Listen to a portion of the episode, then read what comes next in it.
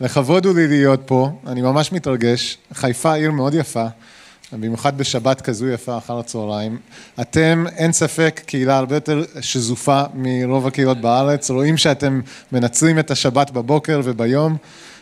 אתם לא מאלה שהגיעו בבוקר מספק מקלחת, ספק לא, כמו, כמו שאר בני התמותה. אז ממש תודה על קבלת הפנים החמה. וכן, נעניתי לבקשה באומץ, יונתן נתן לי פסוקים מאוד מאוד מסוימים ואני אשתדל למצות את מה שיש שמה, אוקיי? אז אני לא יודע אם, המצגת של הפסוקים אולי אין צורך כי לכולנו יש גם את הפסוקים בעלון, אבל אני רוצה להתחיל עם סיפור. אני מכיר מישהו, חבר, אני יכול לקרוא לו חבר טוב, שסיפר לי חלום, אוקיי? חלומות עסקינן, אתם כבר הייתם בפרק הקודם של חיי יוסף, נשים את זה פה. הוא סיפר לי חלום, הוא היה די מודאג מהחלום הזה, זה היה חלום חוזר. לחבר הזה יש עסק, אני צריך לפתוח עם זה, הוא בעל עסק ויש לו חלום חוזר. בחלום שלו הוא סיפר לי ככה, הוא אומר לי, דן, אני עומד על החוף. ואני מסתכל על הים והים כולו שחור, מים שחורים וגועשים. ואני יודע שיש מוות שמחכה לי שם. ואני מסתכל אחורנית ואני רואה הר גבוה ואני מתחיל לטפס על ההר כי אני יודע שבים מתחיל להתגלגל איזה צונאמי. והוא חושש מהצונאמי בים השחור והגועש הזה. אז הוא מטפס ומטפס ומטפס עד שהוא מגיע לאיזה מדף, מין פלטו ככה על ההר ושם הוא אומר, אני מוצא גן, גן ירוק, יפה, שלו, רגוע, ובגן יש מעיין קטן של מים צלולים, נקיים, מים חיים. ואני יודע ששם אני צריך להישאר, בשקט הזה וברוגע הזה, שבפלטו הוא מספיק גבוה מעל הצונאמי. אני לא פרשן חלומות, לא במקצוע, עם כל הידע שצברתי בכל מיני מקומות, זה לא התחום שלי. אז הפניתי את זה חזרה אליו, הוא כבר נתקל בחלום הזה יותר מפעם אחת והוא גם ניגש אליי עם החלום עם נושא שהטריד אותו בקשר לעסק שהוא מחזיק. הוא אומר לי, תשמע דן, אני הגעתי לאמונה לפני שש שנים ואני מחזיק את העסק הזה ואנחנו מגלגלים כסף טוב, בברכת האדון אנחנו מרוויחים יפה. אבל אתה יודע איך זה להחזיק עסק בישראל, אוכלים לך, אוכלים לך, אוכלים לך, בא מס הכנסה ואוכל, ובא ביטוח לאומי ולוקח עוד ביס, ובא הרואה חשבון שלי ואני לא יודע אם אני סומך עליו, גם הוא לוקח ביס, ואני כאילו מתמקח איתו בשוק על כמה הוא ייקח לי, ובסוף מכל מה שהרווחנו בשנה, הכל כמעט הולך. אז אני חותך, אתה יודע, לא מוצאים קבלה על כל דבר. מוצאים קבלה כן, קבלה לא, אי אפשר לדווח הכל, נכון? אבל הוא אומר לי, הוא מספר הכל, אני רק עומד שם, הוא רק צריך מישהו שיקשיב. הוא אומר לי, האדון מדבר אליי, דן, שזה לא נכון. אז אני שואל אותו, מה אתה חושב שהחלום אומר? הוא אומר, תשמע, הים השחור הזה זה כסף, זה הרבה כסף. אני יכול ללכת לשחות בזה, זה המון. אבל אני יודע שיש מוות שמחכה לי שם, ככה הוא מספר. ומה אתה חושב אומר הגן והמעיין? אני כבר מנחש מה המשמעות. הוא אומר לי, תשמע, אני חושב שהמים הקטנים שיש שם זה פחות כסף, אבל זה חי. כלומר, אני צריך להסתפק במה שהאדון נותן ולדעת לשלם למי שעל המס ולשלם למי שעל המכס ולהיות בראש שקט. זה קשה, אבל עודדתי אותו בזה. זה כל מה שיכולתי לעשות, זה גם משהו נראה לי שהוא ביקש ממני, שאני אגיד לו ש, שזה באמת מה שהאדון אומר והבאתי לו את הפסוקים, נכון, כאילו, המס, הכסף לא שלנו, אנחנו מרוויחים בו ומשתמשים בו, אבל זה לא שהוא שלנו, לאף אחד אין תמונה שלו עצמו על הכסף, נכון? אתם מכירים את ה... איך שניסו להתקיל את ישוע, יש תמונה של זר על שקל ותמונה של עמוד על החמישה שקלים ותמונה של עוד, אני לא יודע מה, כל מיני עצים על המטבעות שלנו, לא התמונה של סטפן ולא שלי ולא של אף אחד מאיתנו, הכסף הוא של המדינה. כל זה אני מספר למה? כי, כי הוא ידע מה האדון יביא. הוא ידע שהוא צריך לתת דין וחשבון יום אחד על הרווחים שלו, לא רק בפני רואי החשבון ובטח לא רק בפני מס הכנסה, אלא לפני האדון. והוא מוטרד, והוא חושב שיותר מטריד אותו לתת דין וחשבון לאלוהים, מאשר חלילה להימצא חסר מול מס הכנסה אז, ומאז זה היה לפני שנתיים, מאז הוא, אני מודה לאלוהים שהוא הולך ישר. והוא אומר זה כואב, אבל אנחנו רואים גם בזה ברכה בעסק. אני מספר את זה כי הנושא שלנו היום הוא בחיי יוסף, רגע נמצא, גם אנחנו רוצים להיות נאמנים, להימצא נאמנים לפני האדון כשניתן דין וחשבון לפניו. אנחנו יודעים שהאדון יחזור. סטפן הקריא פסוקים על ירושלים החדשה ועל החזון, שהדברים האלה הם אמיתיים ושרירים. ועוד אנחנו כאן בחיפה או בכל מקום שבו אנחנו גרים, אבל אנחנו יודעים מה יהיה. הוא יחזור, והוא אה, ישפוט גם את הצדיקים וגם את הרשעים, וכל אחד יקבל גם כפי מעשיו, ונדבר גם על החסד. ומתוך הצורך הזה להימצא נאמנים, אנחנו ניגשים לנושא שלנו היום, שהוא מה עלינו לעשות כשאנחנו יודעים מה האדון יעשה. אז אני מזמין אתכם לפנות אל הפסוקים אה, בראשית פרק מ"א, מפסוק 15 והלאה. אה, ואני אשתדל לגעת בכמה נושאים לפני שאני אפליג. אה, נדבר על האופי של אה, יוסף, על ה... מה המילה ל-credentials? ככה האסמכתה שלו בתור פרשן חלומות, ואז נדבר גם על חלומות עצמם של פרעה, ומה בסוף המסקנה מזה, אוקיי? אז אני אקריא, ואז נפנה לאדון בתפילה.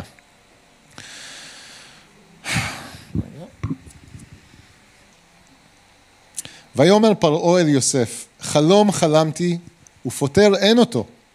ואני שמעתי עליך לאמור, תשמע חלום לפתור אותו. ויען יוסף את פרעה לאמור, בלעדיי, אלוהים יעשה את שלום פרעה, אלוהים יענה את שלום פרעה, סליחה. וידבר פרעה אל יוסף, בחלומי הנני עומד על שפת היאור. אה, והנה מן היאור עולות שבע פרות בריאות בשר, ויפות תואר, ותראינה באחו. והנה שבע פרות אחרות עולות אחריהן, דלות ורעות תואר מאוד, ודקות בשר, לא ראיתי כהנה בכל ארץ מצרים לרע. ותאכלנה הפרות הרכות והרעות את שבע הפרות הראשונות הבריאות. ותבואנה אל קרבנה, ולא נודע כי באו אל קרבנה, ומראיהן רק כאשר בתחילה, ויקץ. וירא בחלומי והנה שבע שיבולים עולות בקנה אחד, מלאות וטובות. והנה שבע שיבולים צנומות, דקות שדופות קדים צומחות אחריהם.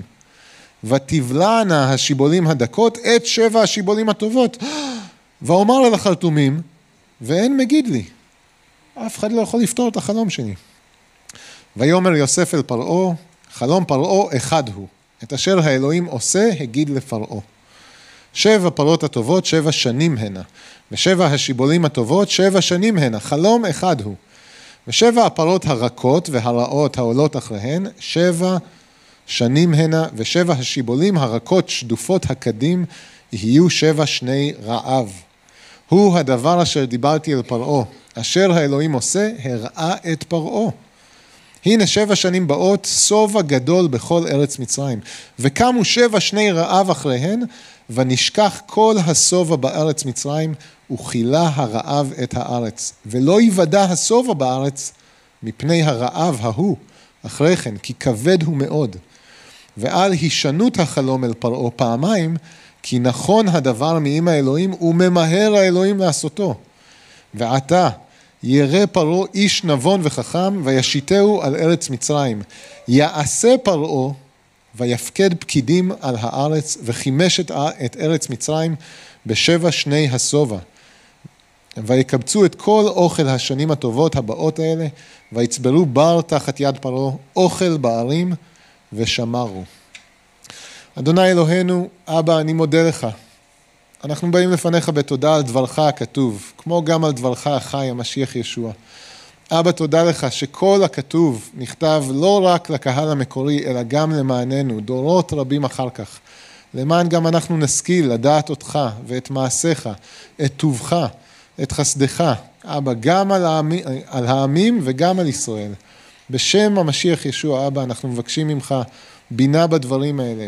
אנא עזור לנו לקחת את דברך אה, וליישם אותו בחיינו. בשם ישוע המשיח. אמן. אה, יונתן אה, פתח את הדרשה, או פתח את פרק מ"א בשבוע שעבר וסגר ממש עם ההוצאה של הבור המזורזת, איך זירזו את יוסף החוצה, רחצו אותו, גילחו אותו, ממש מין גלחץ צבאי כזה, הופ, אתה צריך להופיע עכשיו לפני פרעה, כי אין לו תשובה בשום מקום אחר, אז אתה, אתה זה שנקרא אה, לעמוד שם. ולמעשה, אם אני ככה רגע בזום אאוט מהפסוקים שלי, כל הסיפור הזה של יוסף עד עכשיו היה במגמת ירידה, ירידה, ירידה, ירידה. אוקיי? הוא מתחיל כאן בפבוריט האהוב על אבא שלו, ומשם הוא רק מרגיז את האחים, מוכרים אותו, הוא יורד לבור הראשון, ומשם מוכרים אותו אה, הלאה למצרים. הוא מגיע לבית של מישהו נחשב, פוטיפר, רב אה, שר הטבחים, לא יודע כמה שנים הוא עובד שם, שמונה, תשע, עשר שנים, טראח. יום יום האישה שם רודפת אותו עד שבסוף היא מאשימה אותו ושוב הוא מוצא את עצמו בבור. אז כמה שנים הוא בבור אנחנו לא יודעים עד שמגיעים העבדים של אה, פרעה ושם הוא פותר להם חלומות. תזכרו אותי כשאתם, כשאתה משתחרר הוא מבקש ושוכחים אותו. אה, יונתן דיבר מאוד, אה, אני מאוד התעודדתי, המשפט שככה לקחתי משם הוא שאלוהים היה צריך לעבוד לאט עם יוסף לפני שהוא יכל לעבוד איתו מהר. מהר. אה, והביא פסוקים מאוד ראויים מראשונה לקיפה על הצריפה שעבר יוסף, מנער, משוויץ, רברבן, שמבסוט על הכותונת שלו ומבסוט לפני כל האחים הגדולים, עד שהוא הפך לאדם שנאמן בעבודה שלו, יודע לשרת ולתת תשובה. וכאן אנחנו מוצאים את עצמנו. אה, הוא יצא מן הבור, והוא עומד עכשיו לפני, לא מלך מלכי המלכים, אבל מלך גדול, מלך מצרים. והדבר הראשון שפונה אליו פרעה ואומר, אני שמעתי עליך, אני חוזר לפסוק 15, חלום חלמתי ופותר אין אותו. מה זה פותר? זה לא שפה שאלתי את המשפחה שלי ואין פותר. אף אחד מחרטומי מצרים לא יכול לפתור את החלום שלי. אה, אבל עליך שמעתי, משר המשקיעים, הוא לא מזכיר אותו, אבל ממש עכשיו שמעתי שאתה, אה, עליך שאתה תשמע חלום לפתור אותו, אוקיי? שאתה יכול לשמוע חלומות לפתור אותם. יש אפילו המפרשים שאומרים שמספיק ליוסף רק לשמוע את החלום, טאק, הוא פותר אותו. אה, אני אקריא עוד פסוק ואני אעיר הערה. יוסף מיד, הוא בא לתקן פה, הוא אומר, בלעדיי, אוקיי? בלעדיי זה דרך מקראית ומאוד קצרה להגיד, זה לא, זה לא בי, פרעה, הוא מאוד מנומס, הוא לא אומר לו לא, הוא פשוט אומר, זה לא בי, אוקיי? אלוהים, הוא יענה את שלום פרעה. שזה מאוד דומה לאותו דבר שהוא אמר לשר המשקים ושר האופים בפרק הקודם, שלאלוהים יש את הפתרונות לחלומות, זה לא בי, לאלוהים יש פתרון לכל דבר, תספרו את החלום ובואו נשמע. הערה קצרה על, על פתרון חלומות. אוקיי? זה מעניין, אה, זה ממש קוריוז אפילו, שבישראל של אז, במקרא, אין, אין איזה תחום מסוים שהתפתח לנושא של תורת אה, פרשנות החלומות. זה לא מופיע, לא תמצאו את זה בתהילים או בספרות החוכמה, אה, לא בקהלת, לא באיוב, לא בשום מקום. אף אחד לא מכחיש במקרא שחלומות זה דרך שבה אלוהים מדבר אל אנשים. יש הרבה דוגמאות, בטח בספר בראשית, החל מאבימלך וגם אברהם, הלאה ביעקב עם החלום בסולם יעקב, כולנו אה, מכירים, אה, ובטח כאן בחיי יוסף, וזה ממשיך הלאה. אלוהים מדבר בחלומות אל אנשים. אבל תורה של פרשנות חלומות לא מופיעה, לפחות לא בתנ"ך. מאידך, אה, בעולם העתיק, במצרים, וגם במסופוטמיה, בבבל ובאשור שקמו אחר כך, יש תורה ענפה. עד כדי כך ענפה שמצאו את זה ארכיאולוגית בטבלטות, אה, כתובים בכתב חרטומים במצרים, בכתב יתדות במזרח, ויש פשוט ערימות, לא ספרים כאלה, אבל ערימות של עדויות על איך לפרש חלומות. אה, וגם מה אומרים סמלים שונים בחלומות של בני אדם. אה, ושם גם במזרח, גם במצרים, חלומות זה דרך די דומה לאופן שבו אנחנו גם ניגשים לזה, זה דרך שבה האלים או האלוהים מדברים אל אנשים, במיוחד אל מלכים, אבל בכלל. עכשיו, כשפרעה, כשיוסף ניצב לפני פרעה והוא אומר לו, שמעתי שאתה יכול לפתור חלום, זה כאילו, הוא ניגש אל איש מקצוע, אוקיי? כל המקצוענים שלי לא יכלו לפתור את זה, אבל אתה, שמעתי עליך, אתה לא מפה, אתה הרי לא חרטום, לא גדלת עם ה... בוא נגיד עם התעודה המצרית, אבל אתה מביא משהו מבחוץ, אולי ממוסד נחשב בכנען.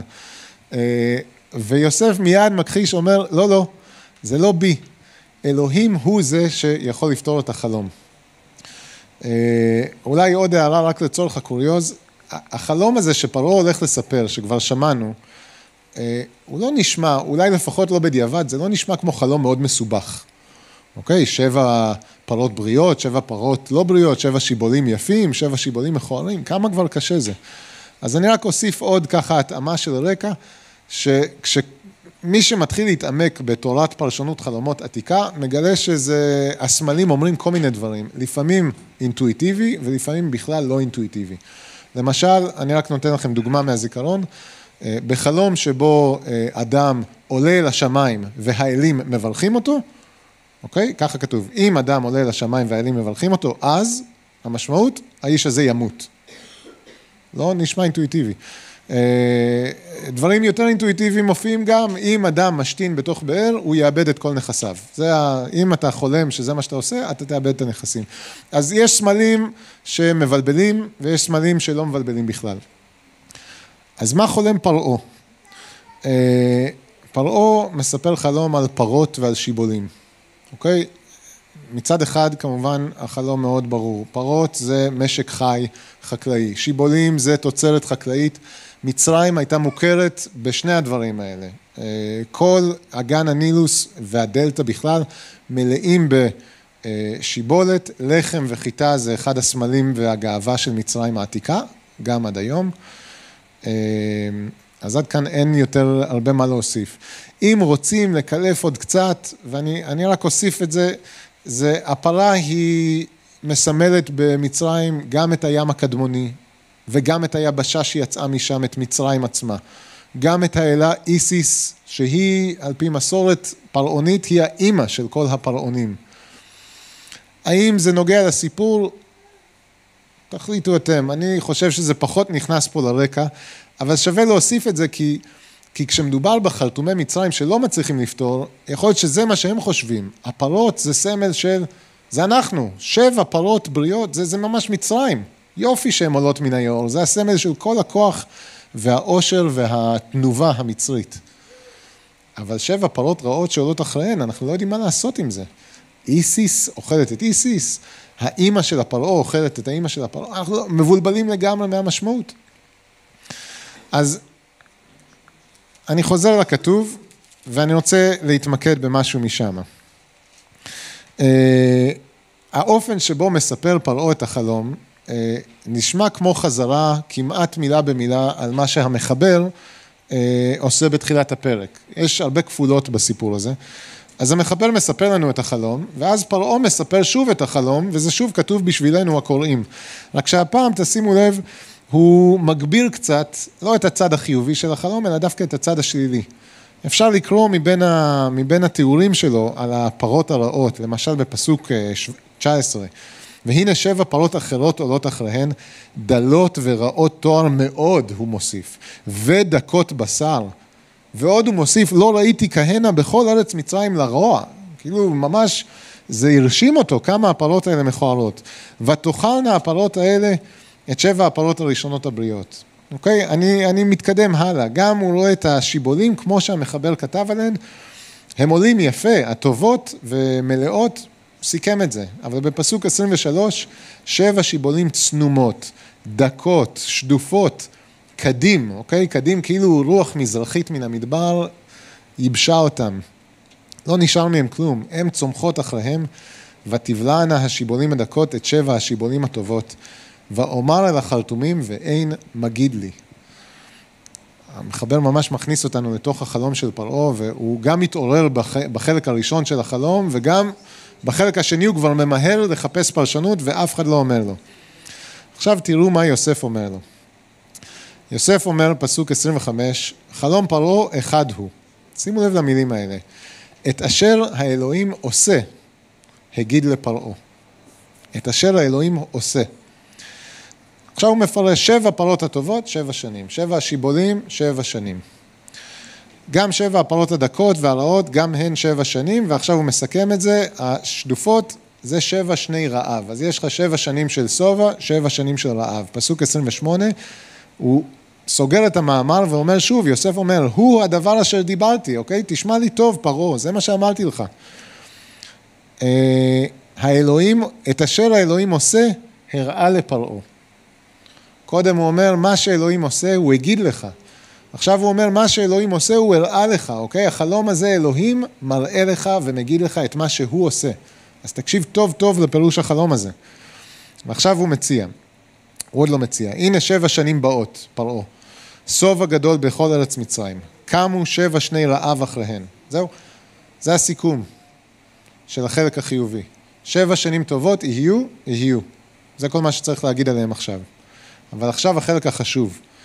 אחרי השבע שני השובע יקומו שבע שני רעב, וכל השובע יישכח כאילו לא היה. וזה מה שאומר החלום שחלמת, אה, שהפרות המכוערות בולעות את, הש... את השבע היפות, ואפילו לא רואים עליהן שהם השמינו, הרי פרה שאוכלת פרה אחרת, תצפה שהיא אכלה כל כך הרבה פרה, תראה כפליים, כלום. שיבולים שבולעות, אתם מבינים, זה הכל חלום. שיבולים שבולעות, שיבולים אחרים צריכות לגדול, כלום, לא רואים שום דבר. ככה זה יהיה, מצרים תתמלא באוכל, וכמו שהיא התמלאה באוכל, ככה היא גם תתרוקן כאילו אף פעם לא היה פה כלום. הרי מבחינת uh, תזונה זה ברור, אדם יכול לאכול ולאכול ולאכול ולגדול ולגדול ולגדול. אה, כן, גם מבחינה תזונתית, אוקיי? זה תופס, אדם יכול לאכול, שבע שנים הוא יכול לאכול עד שהוא יגדל, ימלא את כל, ה, את כל המיטה. אבל אה, אם בן אדם יהיה רעב שבוע, שבועיים, שלושה שבועות, כמה זמן איש יכול להיות בלי אוכל? הוא ימות, לא משנה כמה הוא צבר בעבר. אה, ועכשיו, איפה אני? אה, בפסוק 32. אני אקרא את זה ועוד קצת. על הישנות החלום אל פרעה, פעמיים, כי נכון הדבר מעם האלוהים וממהר האלוהים לעשותו. זה פסוק מאוד מעניין. תראו, אם אתם עכשיו בחיי יוסף כבר כמה שבועות, אה, התחלתם בפרק 37, שם התחלתם את הסדרה. הסיפור של יוסף מלא בכפולות. הכל כמעט קורה שם פעמיים, או דברים מופיעים פעמיים. אה, מה למשל? יש ליוסף שני חלומות. פעם שהשיבולים של האחים שלו משתחווים לו, ופעם שהכוכבים וגם השמש והריח משתחווים. אה, יש פעמיים מופיע, זה די מבלבל, פעמיים נראה שהוא נמכר. אז תלוי איך מבינים את זה, האם הוא נמכר למדיינים, לא, לא, לישמעאלים, או שמא הוא נמכר קודם למדיינים והם מכרו אותו לישמעאלים, אבל יש שתי מכירות. אה, פעמיים מופיע בפרק עם אה, אשת פוטיפר, פעמיים היא אומרת לו, שכבה עימי. עכשיו, אמנם כתוב יום יום היא הייתה מציקה לו, אבל פעמיים לפחות זה כתוב. ואחרי זה פעמיים גם אה, היא מאשימה אותו. אוקיי? פעם אחת בפני המשרתים, פעם שנייה בפני בעלה, פוטיפר. אה, פעמיים גם באותו פרק כתוב שאדוני מצליח את כל אשר הוא עושה, בתחילת הפרק ובסוף הפרק. קודם בבית פוטיפר, אחר כך בבית הסוהר. אה, פעמיים יש שני עבדי מלך, שיש להם שני חלומות, ולכל אחד הוא נותן את הפירוש, אוקיי? יש שני פתרונות. עכשיו בפרק שלנו יש לפרעה שני חלומות. גם את החלום הזה מספרים לנו פעמיים. אתם שמים לב? המון המון המון כפולות, ויש עוד שאני בטח מפספס. אמ, אז עכשיו לפחות בעניין של חלום פרעה, אני אהיה אה, שמרן או קונסרבטיבי לגבי הפרשנות. על הישנות החלום של פרעה פעמיים, יוסף אומר, תקשיב טוב לסיבה. קיבלת את החלום פעמיים, או שני חלומות, כי נכון הדבר מעם האלוהים. מה הכוונה? אלוהים מכונן את זה. הוא מכין, זה הולך לשבת יותר חזק מהפודיום הזה, כמו הבניין. יהיו לו, זה, אלוהים מכין את הדבר הזה, ולא רק שהוא מכין אותו, הוא ממהר לעשות אותו, אוקיי? אתה קיבלת חלום מאלוהים, לא, זה גם בין השורות, לא מרע ולא מעמון ולא מתחותמס ולא מכל מיני אלים מצרים שאולי אתה חושב, אלא מהאלוהים. אותו אחד שנתן לי את הפתרון זה זה שנתן לך את ה... החלום הזה. ואותו אחד שנתן לך את החלום הזה, גם מגלה לך מה הוא עושה. הוא אמר לך את זה פעמיים כדי שתבין טוב שזה הולך לקרות מהר וזה על בטוח. עכשיו, אם תרצו להשתמש בזה, בואו נרחיב קצת את הפרשנות, זה גם מפתח לכל הכפולות ב, אה, בסיפור של יוסף. אוקיי? אז אני אקח רגע צעד אחורה, ואם אני אסתכל לרגע על ספר בראשית בתור ספר שלם, אז תדעו שאלוהים מאוד מאוד פעיל בכל הפרקים הראשונים, אה, מהבריאה ועד מגדל בבל, כל הזמן אלוהים בורא, ואלוהים יורד, ואלוהים נופח באפיו, ואלוהים מברך, ואלוהים אה, שואל את קין, אלוהים מאוד מעורב. אה, עוברים הלאה ואלוהים בוחר באברהם, וגם שם אלוהים מעורב. הוא נותן חלומות לאלה שסביבו, ומברך את לוט, ואת אברהם, וגם ניגש, ואפילו יושב לאכול עם אברהם. גם שם אלוהים פעיל. יצחק זה סיפור מאוד קצר, הוא כמעט תוספת לסיפור של יעקב. יעקב תופס עוד עשרה פרקים, שם אם אברהם היה כל הזמן במסע, בחיפוש אחר הברכה הזו שאלוהים הבטיח, יעקב הוא הדמות שמנסה להשיג את הברכה, להשיג אותה, לשים אותה, לתפוס אותה בעצמו. עד שבסוף הסיפור הוא לומד איך לקבל מאלוהים את הברכה. גם בחלומות שלו הוא מדבר עם האדון, גם בסוף הוא נאבק עם, עם אלוהים, עם מלאך אלוהים, ו, ובסוף לומד לקבל את זה. ואז עוברים לסיפור יוסף, ופתאום אלוהים, איפה אלוהים? הוא לא פעיל בסיפור יוסף, לכאורה. הוא לא מופיע בסיפור של יוסף, ואם תחשבו על כל הפרקים שעד עכשיו עברתם, הוא פשוט לא מופיע באופן פעיל. הוא לא דמות שמשחקת תפקיד בסיפור הזה. ובכל זאת, הוא מוזכר פה ושם, אבל הוא תמיד מוזכר על ידי אחרים. אה, יוסף יודע להגיד שכן, אלוהים זה שנותן פתרונות. אבל לא כתוב לנו שאלוהים נתן לו את הפתרון, הוא פשוט נותן פתרון. אה, פוטיפר מיד מזהה, וזה יפה לראות שזה דווקא פוטיפר, מישהו אחר, מזהה שאדוני מצליח את הנער הזה. וגם אה, הראש של בית הסוהר גם כן מזהה שכל מה שהוא עושה, אלוהים מצליח בידו. אבל אם חושבים על הכפולות האלה בתור סימן שאלוהים מכין את הדברים האלה והוא ממהר, אז האם אלוהים מאחורי החלומות של יוסף? ברור. האם אלוהים מאחורי המכירה של יוסף למצרים? ברור, אוקיי? יונתן גם הזכיר את מזמור קה, שם זה מוזכר, אלוהים שלח עבד למצרים לפני כולם, כדי להכין את האוכל שיהיה חסר אחר כך. אה, האם אלוהים אה, דאג שבזמן שהוא בבית הכלא יגיעו עבדי אה, פרעה? ברור שכן, אלוהים זה גם שזה, זה שנתן להם את החלומות ואת הפתרון, זאת אומרת, אלוהים נמצא מאחורי כל הסיפור של יוסף. אם תרצו לתת לזה כותרת, יש השגחה אלוהית לכל אורך הדרך. כל הקורות החיים של יוסף, אלוהים מאחורי הקלעים, חלק אחרי חלק מכוון. אוקיי? חלק לוקח זמן קצר וחלק לוקח הרבה זמן.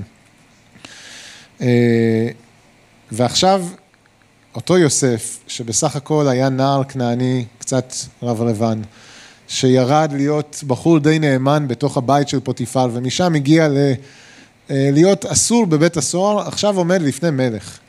וממש בחן ובסמכות אפילו, מצליח לתת לפרעה תשובה, ואומר לו, תראה, אתה מקבל חלום כפול, כי יש אלוהים שמראה לך מה הולך לקרות. והוא אומר לך מה הוא הולך לעשות. עכשיו תראו איך בניגוד לזה, אם בפסוק 25 הוא אומר, זה מה שאלוהים עושה והוא מגיד לך, ובפסוק 28 הוא אומר, את מה שאלוהים עושה הוא הראה לך, עכשיו תראו מה הוא אומר לו אה, בפסוק 33 ו-34. ואתה, עכשיו, ירא פרעה, פרעה תראה, תמצא לך איש נבון וחכם, ותשים אותו על ארץ מצרים. אתה צריך למצוא לך מישהו להפקיד על כל הארץ, וזה מה שפרעה צריך לעשות, אוקיי? אתה עכשיו למדת מה אלוהים הולך לעשות. זה מה שאתה צריך לעשות בתגובה. תפקיד לך פקידים על הארץ, ותחמש את הארץ, את ארץ מצרים, בשבע שני השובע. אוקיי? לחמש, בואו ניקח את זה בתור... אה, אה, יש גם על זה כל מיני אה, פרשנויות על המילה, אבל שיהיו פקידים שידאגו לארגן הכל בצורה מסודרת, בכל עיר ועיר, באסמים ובגרנות, שיהיה אה, חיטה וגרעינים. ויקבצו את כל אוכל השנים הטובות הבאות האלה ויצברו בר. הפסוקים שלי ממש מסתיימים עם כל התוכנית שמציע יוסף, אז אני לא ארחיב מעבר לשם.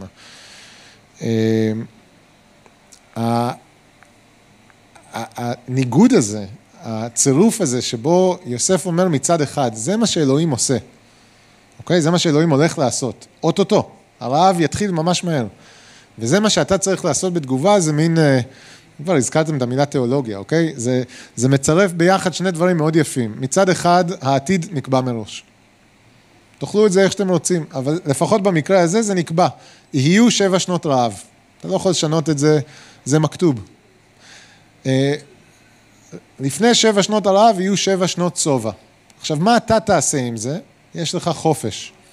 אתה יכול לזלול, ואז למות ברעב, אתה וכל הארץ שלך, או שאתה יכול לעשות דבר חכם. אם אתה יודע את העתיד, ואתה יודע מה אלוהים הולך לעשות, תתכונן מראש. אה, ואת התוכנית שהוא מציע, אה, פרעה בשבוע הבא אתם תשמעו, אתם יכולים לקרוא את זה גם בעצמכם, פרעה מקבל בחפץ לב, אה, זה, זה בכלל, זה מדהים, כנראה שגם זה השגחה אלוהית, שפרעה עומד מול מישהו שהוא בחיים לא עמד מולו, בחור שבסך הכל עכשיו גילחו ורחצו, זה לא איזה מישהו עם... רזומה מצרי ותיק, הוא גם לא מאוד מבוגר, בסך הכל בן 30, אוקיי? בחור צעיר, אתם רואים איך בן 30 ומשהו נראה, וזה מי שאומר למלך מה לעשות. והמלך ממנה אותו עם טבעת והכל, אתה הולך לממש את כל מה שאמרת. עכשיו אני חושב לעצמי, אוקיי, אה, יונתן הקשה עליי, איך, איך עלינו לחיות לאור הפסוקים האלה? אם אנחנו קוראים על, אה, על יוסף שהוצא מן הבור, אה, על איש שעבד נאמנה, כל זה היה כבר בפרקים האחרונים. הצריפה הזו כבר, כבר שמענו, זה מסר מעולה. שראוי אפילו לחזור אחריו. איך עלינו לחיות לאור הפסוקים האלה? אה, אם אני רק אתמקד בגדולה של אלוהים, כמה שהוא מעל כל האלים, כל אלי מצרים, מה שמשתלב יפה עם הספר הבא, אוקיי? יציאת מצרים וכולי. אם אני רק אתמקד בזה, כבר עשיתי מעשה טוב. אה, אבל אני, אני רוצה להניח את זה בתור, אוקיי, זה מובן מאליו, כבר נגענו בזה. אלוהים משגיח פה מעל הכל, מעל הפרעונים, מעל האסירים, מעל המשרתים, אפילו מעל האחים של יוסף שחשבו שהם עושים משהו רע, איך הוא סידר לכולם את הישועה בעקיפין, אפילו שזה לוקח הרבה זמן. אה, ואני חושב לעצמי, אוקיי, אם אני אתמקד בזה, אנחנו יודעים, האם אנחנו יודעים מה אלוהים הולך לעשות? בהרבה מובנים, כן. אה, סטפן הקריא לנו לפחות משהו לירושלים החדשה, אנחנו יודעים שזה יקרה. אה, האם לנו יש חופש אה, לבחור מה אנחנו נעשה בחיים האלה? בוא נגיד, ככל שהדבר תלוי בנו, כן, אוקיי? בלי להיכנס לתוך איזה ויכוח פילוסופי על האם, האם הצעד, הצעד הבא שלנו כתוב מראש. ואם הוא כתוב מראש, אני לא קראתי, אז אני אחראי לצעדים שלי, כמו שפרעה אחראי לצעדים שלו. ובכן, אז איך עלינו לחיות לאור הפסוקים האלה? פה הפרק נוגע לשובע ורעב, אה, ואני חושב, אוקיי, העולם כרגע נראה קודר, עברנו כמה שנים של קורונה, יש לנו ממשלה חדשה, תודה לאל, אה, שממש הביאה מין פרק חדש בדרמה הישראלית, ו... בסדר? אני מדבר בלשון המעטה. אה, ונראה ש, שהחלקים הבאים של, של הפרק הזה בהיסטוריה של עם ישראל פשוט רק זוהרים יותר ויותר, אוקיי? העם מתקרב לאחדות ממשית. ואו-טו-טו ניכנס לתור הזהב, נכון? לא? אוקיי, אני רואה שיש קצת ספק. אם ככה, אם יש ספק לגבי העתיד של המדינה והעם, אה, אז עלינו בתור משיחיים שיודעים שהאדון יבוא אה, ויהיו צרות בסוף, בין אם נילקח קודם או אחר כך, זה לא משנה, צרות יכולים להיות בכל דור. עלינו אה, להתכונן ולעמוד על המשמר, ואולי עלינו לקנות שקי שינה אה, ולצבור אוכל ומים והרבה דלק, ואולי גם נשק אם אפשר. סליחה, לא, זה לא תופס פה? כי, לא, לא יודע, אני לא יודע איפה הייתם לאחרונה בברית החדשה, כי, כי זו המחשבה שעוברת להרבה אנשים בראש. אה, ואני אשקר לכם אם אני אומר שלי ולאשתי זה לא עובר בראש. הרי אם ככה הדברים, אנחנו חיים בשכירות, מי יודע כמה זמן נוכל לחיות בשכירות? רוב הכסף שלנו הוא מספרים דיגיטליים בבנק. מי יודע כמה זמן המספרים האלה יהיו בעלי ערך, אוקיי? אני לא מתכוון להפחיד אתכם, אבל דברים כאלה קורים. אמ, ואני חושב לעצמי, אוקיי, כיצד עליי, עכשיו אני חי בתקופת השובע, אני לא יודע כמה שני, שנים של שובע יהיו, אבל השקל יכול לרדת בעשיריות האחוז, הוא יכול גם לצנוח לגמרי. אנחנו מכירים אנשים, אולי אפילו פה יש אנשים שחיו בתקופות ובמדינות, אפילו אני די בטוח בזה, שכשלכסף שלהם לא היה ערך, ושלקנות לחם זה, זה סיפור לא פשוט, מאיפה משיגים את הלחם הבא, שלא לדבר על טבעת זהב לנישואין, או, או משכנתה לבית, אוקיי? אז, אז בואו נחשוב רגע במונחים קונקרטיים, מה, למה אנחנו כן נקראים להתכונן, אם אנחנו יודעים מה אלוהים עושה, או מה הוא הולך לעשות. אז עם הזמן שנותר לי, אה, יפה. אני רוצה לקחת אתכם למקום אחר לגמרי. אוקיי? ואני, אני, את כל זה אני הולך להגיד על המשקל הזה של אה, מה שאלוהים עושה, הוא הגיד לנו, וזה מה שעלינו לעשות. תפנו איתי למתי, פרקים כ"ד כ"ה. ואני לא הולך להיכנס אה, לעובי הקורה, אני הולך לתת סקירה כללית. ואני מאוד אשתדל, בזמן שאתם פותחים את... אה, בוא נגיד פרק כ"ה, בוא נתחיל מהסוף ונעבור אחורנית. או, סליחה, אני מתחרט. בוא נתחיל מכ"ד ואז נדלג לסוף ונסגור את הסנדוויץ'. אני מאוד רוצה להשתדל שזה יהיה מסר מעודד, אוקיי? אז אה, לא באתי לפה להפחיד אף אחד, גם לא באתי אה, לערער לאף אחד את הביטחון בחסד של האדון. שסליחת החטאים שלנו היא לא רק על חטאי העבר, לא קיבלנו איזה טבולה ראסה אה, כשהגענו לאמונה ומעכשיו עלינו אה, להחזיק ממש, לעשות מאמץ כדי להימצא נכונים לפני אדון, אחרת לא. אה, החסד של אלוהים והמעשה שלו גדול יותר מאיתנו. אז אם אתם איתי במתי כ"ד, אני אקריא בפרפר... ממש בדילוגים. מפסוק 6, זה סוף הבשורה של מתי, ישוע כבר נמצא בירושלים, הוא כבר מלמד כל השבוע בבית המקדש, ו... ובאחד הימים הוא יוצא מבית המקדש והתלמידים ניגשים אליו ואומרים לו, תשמע, תראה איזה בניינים יפים, איזה יופי של אבנים.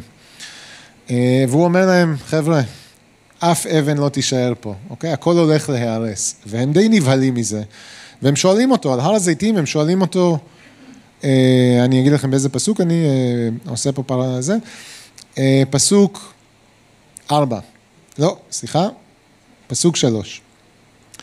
הם שואלים אותו, הגד נא לנו מתי יהיה הדבר הזה ומהו אות בואך וקץ העולם. זה כמה שאלות די מורכבות, התשובה אליהן מאוד ארוכה, והוא מתחיל לספר, תקשיבו טוב, תיזהרו, יבואו אנשים וינסו להטעות אתכם, יגידו שהם המשיח.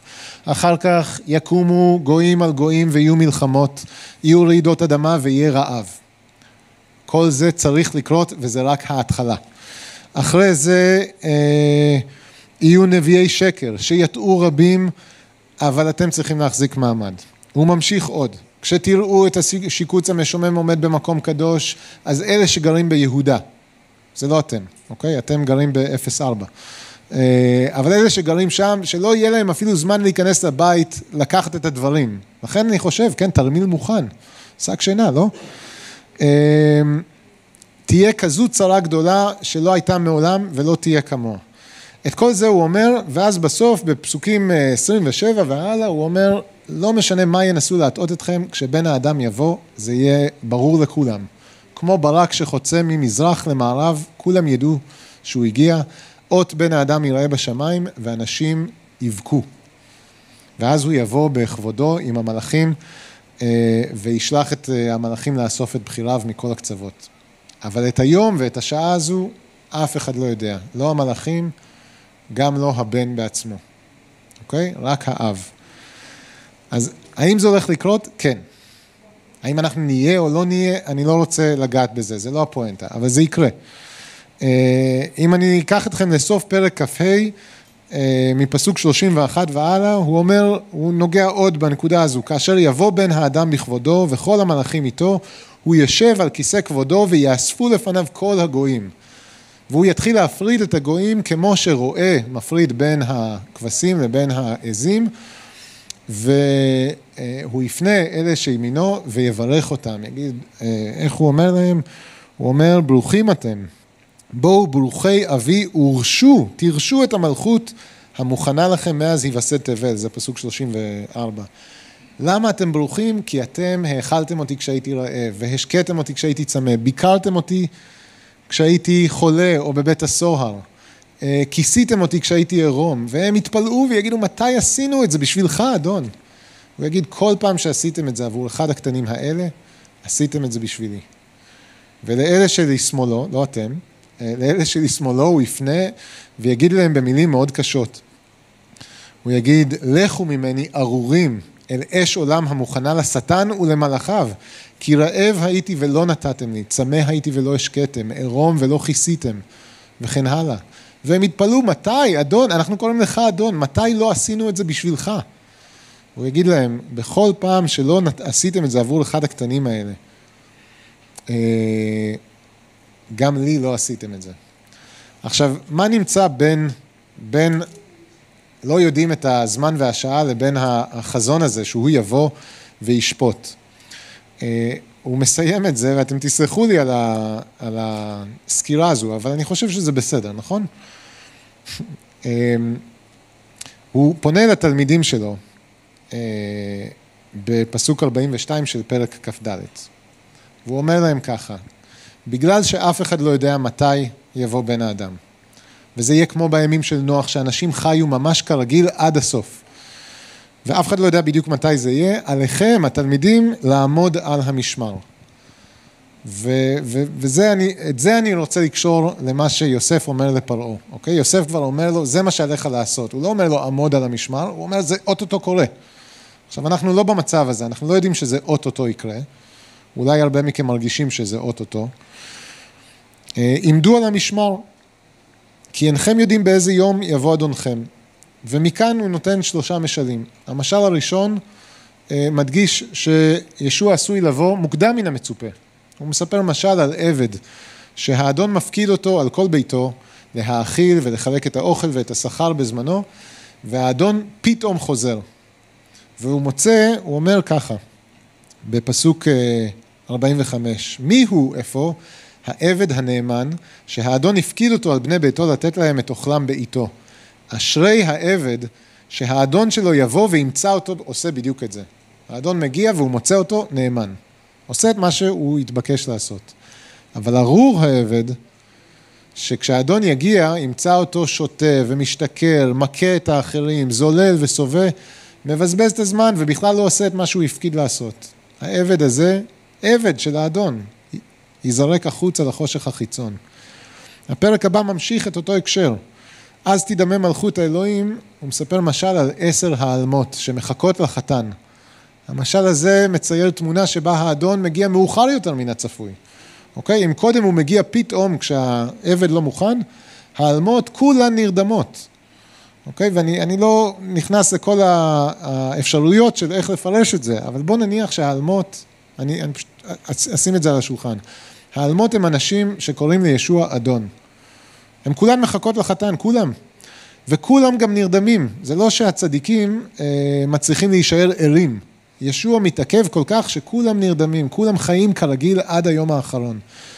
אה, אבל אז פתאום הוא מגיע בחצות הלילה, מאוחר יותר מן הצפוי, וכולם מתעוררים. אלה שיש להם שמן, ניגשות איתו לחתונה, ואלה שלא, הן מבקשות, תנו לנו קצת. לא יהיה מספיק גם לנו גם לכן, לכו עכשיו, ת, ת, תלכו לחפש שמן. תכף אני אדבר על מה, מה לפחות אני חושב שזה אומר.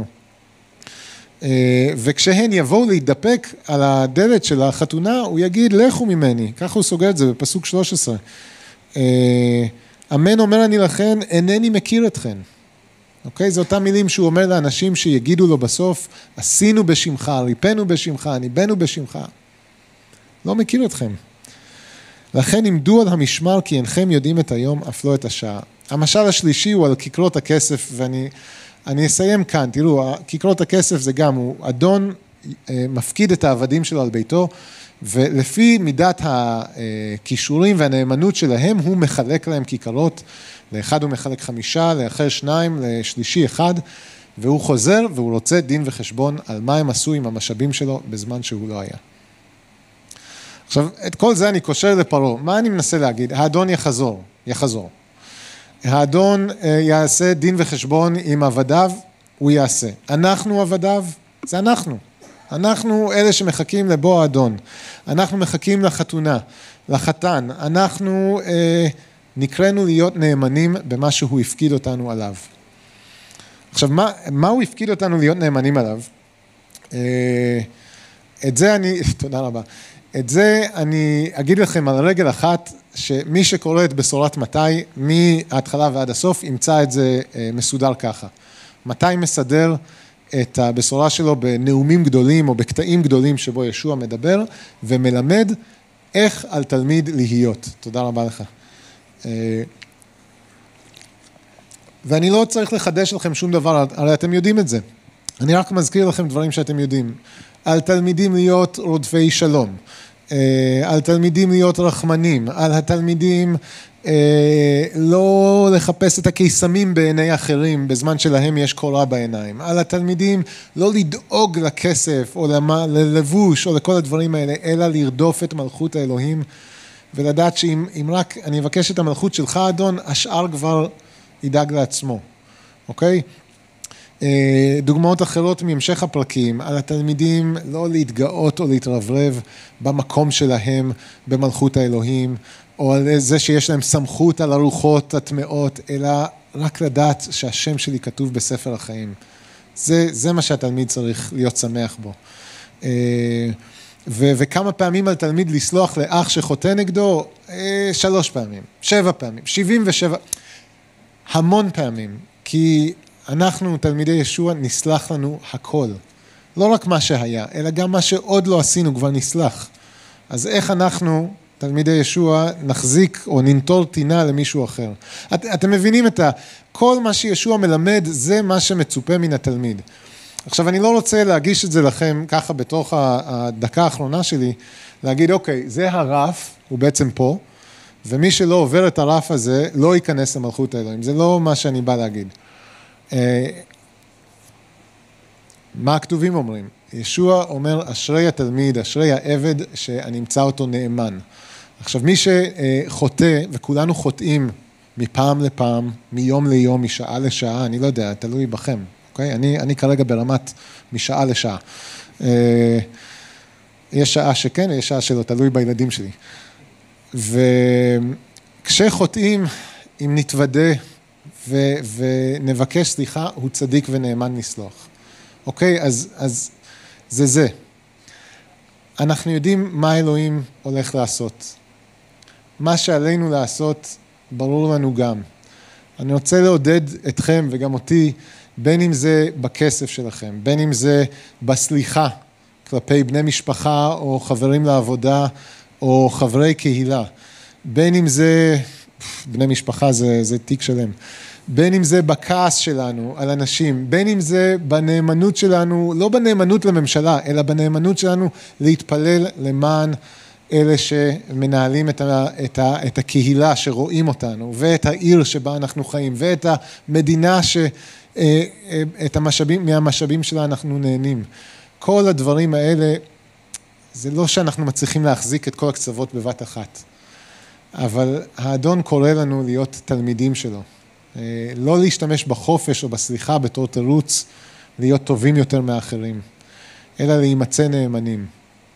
ואם אנחנו עכשיו עוברים איזושהי צריפה, בין אם כקהילה או כגוף משיח בישראל, יש, יש כל מיני טלטלות כרגע, אה, בין אם זה בחיים האישיים שלנו, בתור גברים נשואים או נשים נשואות, בתור סבתות או סבים, אימהות או אבות, רווקים, רווקות, צעירים, ילדים, בני נוער, תלמידים, אנשים שהחיים שלהם תלויים במה יגידו עליהם במדיה החברתית. כל אחד שעובר צריפה כזו, זה יכול לקחת שעה או יום או עשר שנים, אבל לדעת שאלוהים עובד בחיים שלנו. וכמו שאלוהים לא מופיע בסיפור של יוסף בתור דמות פעילה, לדעת שאלוהים פעיל ופועל מאחורי כל פינה של חיינו. אם אתם מוצאים את עצמכם בצרה עכשיו, או שאתם חושבים על הצרות שעתידות לבוא, דעו שאלוהים רואה אתכם במקום שבו אתם נמצאים. והוא גם, אה, גם נותן לכם את המשאבים להיות לפחות בחסידות ובנאמנות. ואם נימצא לפניו ביום שהוא יחזור, נימצא לפניו לבושים. לבושים ב, לא בבגדים לבנים או בכפתורים, אלא עם המעשים שהוא ציפה למצוא בנו. ואם יש דברים שאנחנו מפספסים, לדעת, אה, לדעת ש, אה, שהוא הצדיק, אנחנו חסרים, אבל מה שחסר לנו הוא יכול להשלים. בואו נסגור בתפילה. אדוני אלוהים, אבא, תודה לך. תודה לך, אדון, על דברך. תודה לך גם על זה שאל כל אחד, לך יש את התשובה ולך יש את הפתרונות, גם לדברים המסתוריים וגם לדברים הברורים. אבא, כפי שחלם פרעה חלומות מטרידים על מה עתיד לבוא, אבא, אתה נתת תשובה שנותנת לו שלום. אבא, אנחנו עומדים כאן במאה ה-21 ויש הרבה נסיבות שמפחידות אותנו. וגם החיים עצמם לא קלים. גם כלכלית, גם כספית, גם משפחתית, גם ביחסים. אבל אבא, אתה, אתה נאמן בכל דבר, ואתה ערך אפיים ורב חסד, ואתה מגלה את אשר אתה עושה. תודה לך, אבא, שאתה מגלה את דברך. תודה לך, אדון, שגילית גם לנו, לא לשם הוויכוחים, אלא לשם התקווה ולשם הקריאה והעידוד להיות נאמנים, כמו שגם יוסף היה נאמן. אני מבקש ממך, אדון, בכוח רוח קודשך, בחסדך, בחסדך הטוב עלינו, עזור לנו, גם בחיסרון שלנו, להיות, אה, לשקף אותך, כמו שיוסף משקף אותך ואחרים ראו אותך דרכו, שגם אנחנו נהיה כאלה שרואים אותך דרכם. בשם ישוע המשיח, לך מגיע כל הכבוד וכל התפארת, לך המלכות והגבורה. אמן.